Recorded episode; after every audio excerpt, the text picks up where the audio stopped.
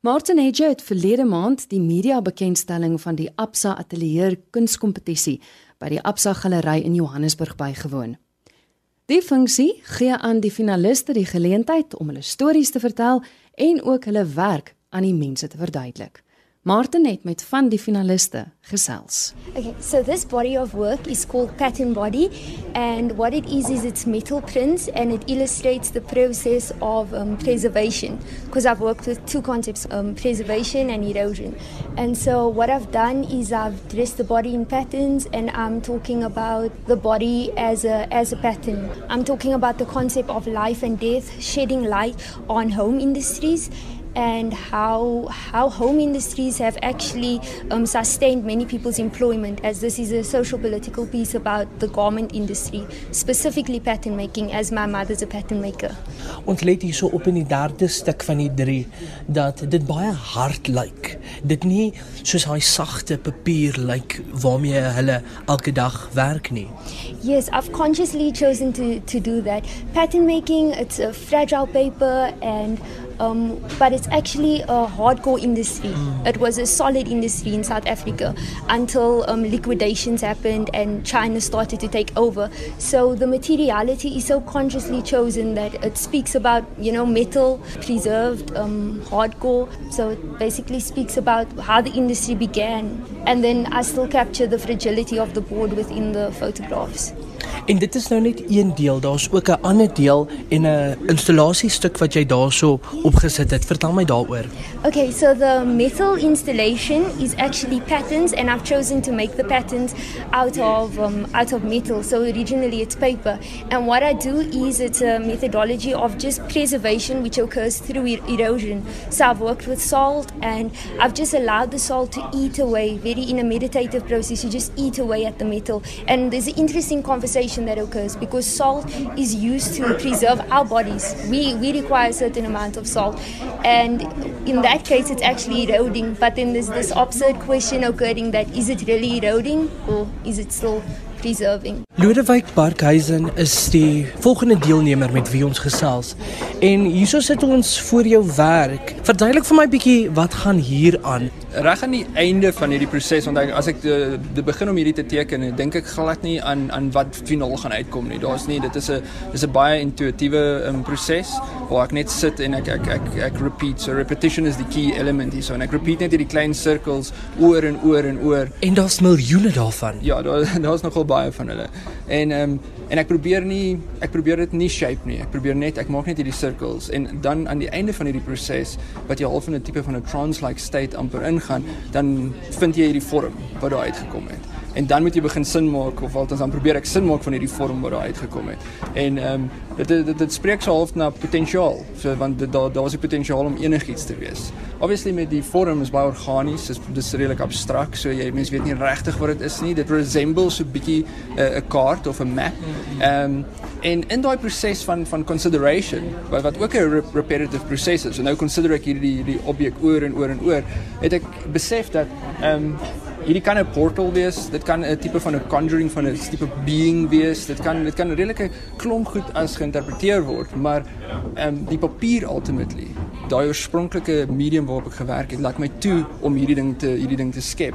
En ek het toe besef dis amper asof die papier met my praat en hy sê vir my maar dalk wou ek eerder 'n hoed gewees het, jy weet. Ehm um, en dis waar die titel vandaan kom. Want hierdie papier het die potensiaal gehad om enigiets te word en en op die einde van die dag het ek hom ver, verwerk in hierdie dinge. En ehm um, die hoed ook as jy hom vou, as jy kan soos hier onder sien, die klein kind of kindervou hoed, dit resemble ook 'n klein boot. Ja. En of, omdat hierdie objek soos 'n kaart lyk, ehm um, die boot en so dan die boot is iets wat jy oor see kan vat of om hierdie ding kan vat, is tipe van 'n journey, maar 'n hoed is ook 'n thinking journey. So dis daai kind of uh, net die metafoor tussen 'n hoed en 'n boot as dit in papier gevou is, raak een ding. Vertel my 'n bietjie oor jou agtergrond want hierdie lyk baie tegnies ook. Is daar elemente van aardrykskunde ook hier betrokke? Ehm um, ek het nie agtergrond in aardrykskunde nie. Ek is 'n eh, ek is agtergrond in grafiese ontwerp en film en animasie. Ehm um, dit is soos ek sê dit was nie um, dit was nie beplan dat dat hierdie die hierdie aardrykskunde of hierdie kaart element uitging gekom het. Die die die oorspronklike idee was net gaan sit voor hierdie papier en begin hierdie proses, hierdie repetitive proses. Dit is baie similar soos wat um baie um in baie traditional uh tribes en so on sal hulle 'n repetitive drumming speel of iets om om kind of hulle self in 'n in 'n altered state in te sit. En dis 'n baie similar proses en dis alwaar op ek gefokus het. Ek het net gefokus op ek gaan hierdie repetition doen en myself toelaat om in hierdie ander spasie in te beweeg. En dan wat uitgekom het, ehm um, wil ek sin maak van. Maar die enigste manier hoe ek iets soos hierdie kan meet of ehm um, is deur deur measurements te maak. Ehm um, dis is half ons dis amper half die logika wat nou bo op die intuïtief gaan sit. Ehm um, so dit het half daardie adreskundige gevoel aangeneem, maar dit was nie die dit was nooit die outset. Ek staan nou in 'n kamertjie wat eintlik so bietjie donker is met Marguerite Kirsten. Marguerite, daar is twee dele van die een werk of is dit twee werke? Dit is twee mense se werke. So die okay. een is um Lemise Davids met wie ek eintlik ges, um geswat het. So dis eintlik baie convenient en ons het dieselfde supervisor gehad. So en dan is dit hierdie my werk embodiment um wat bestaan uit um koper my eie en, en my suster se Irene um laboratory glassware en ligte.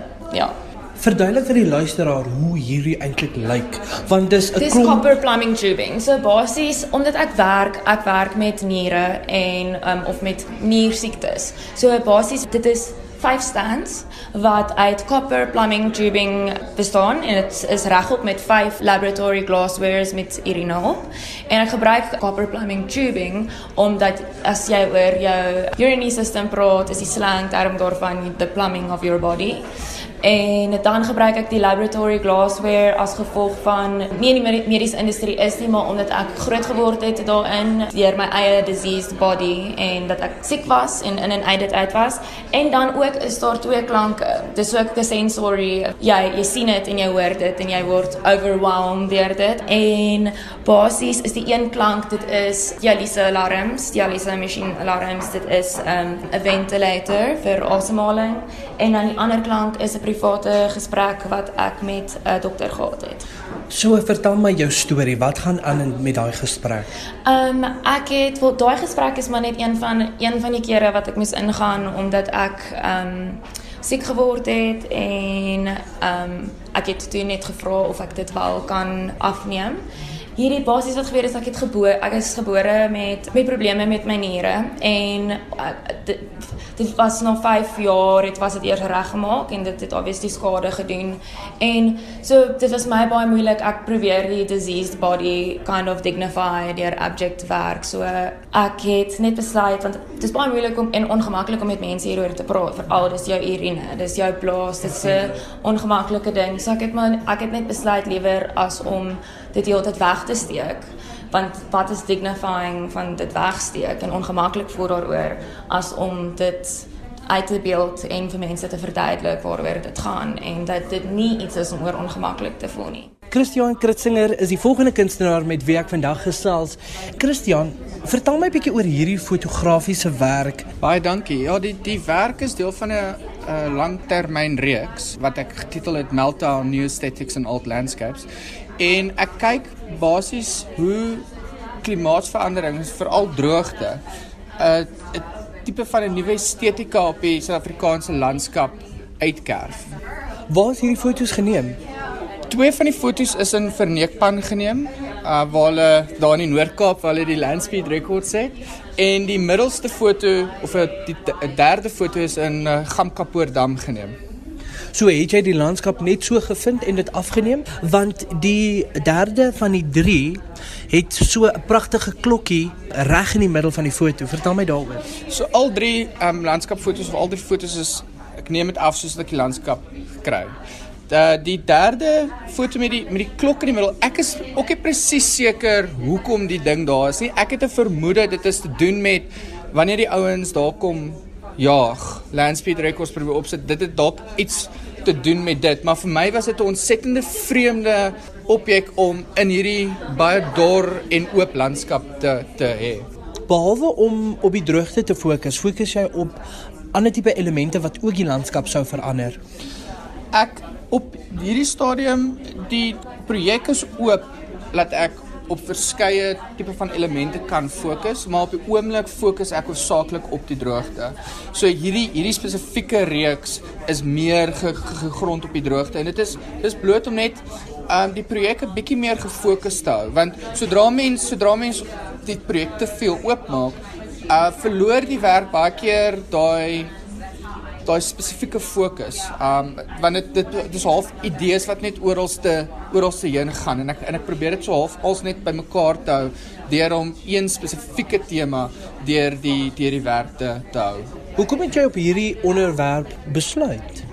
Die werk wat ek doen is onder andere ek ek werk in die televisiebedryf. So ek het 'n program um, wat ek wat ek hier regisseur van is weg agterpaaie. En ons travel baie deur hierdie tipe van landskappe. En as jy op 'n landskap of 'n toneel afkom soos in Gamkapoordam waar jy weet daar was water gewees en dit is nou dor leeg. Dit het 'n tipe van impak op jou. Jy jy wonder hoe dit hoe dit gaan vererger of gaan dit ooit beter raak en ek het begin voel dat hierdie tipe van landskappe is noodsaaklik om te begin afneem sodat mense daar buite wat nie in hierdie tipe van landskappe op 'n gereelde basis verkeer of ooit daarby uitkom nie kan regtig sien hoe erg dit is. Hoe erg dit is om nie water te hê nie. We, we're here today announcing the 2018 Natalie Awards. And you know, very much unlike a curated show where you actually select the works and the artists, here you actually get dealt a hand that you then have to work with after the adjudicators have selected the final works and so on.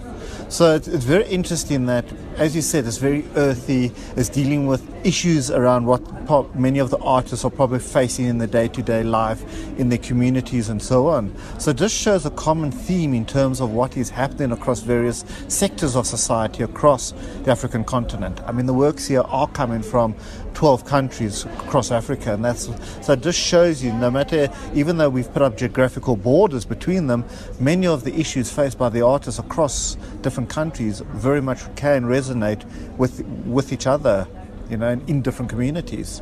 En dit lyk soos dat van die materiale ook baie dieselfde is. 'n yes. Mens kry die metaal, jy kry die hout en dit kom deur in baie van die werke. Omtrent die helfte van die mense het dieselfde tipe materiale wat hulle van gebruik maak. It's gone very much more to and also very much more in a way to found objects material that they can that are, is accessible to artists and things like that.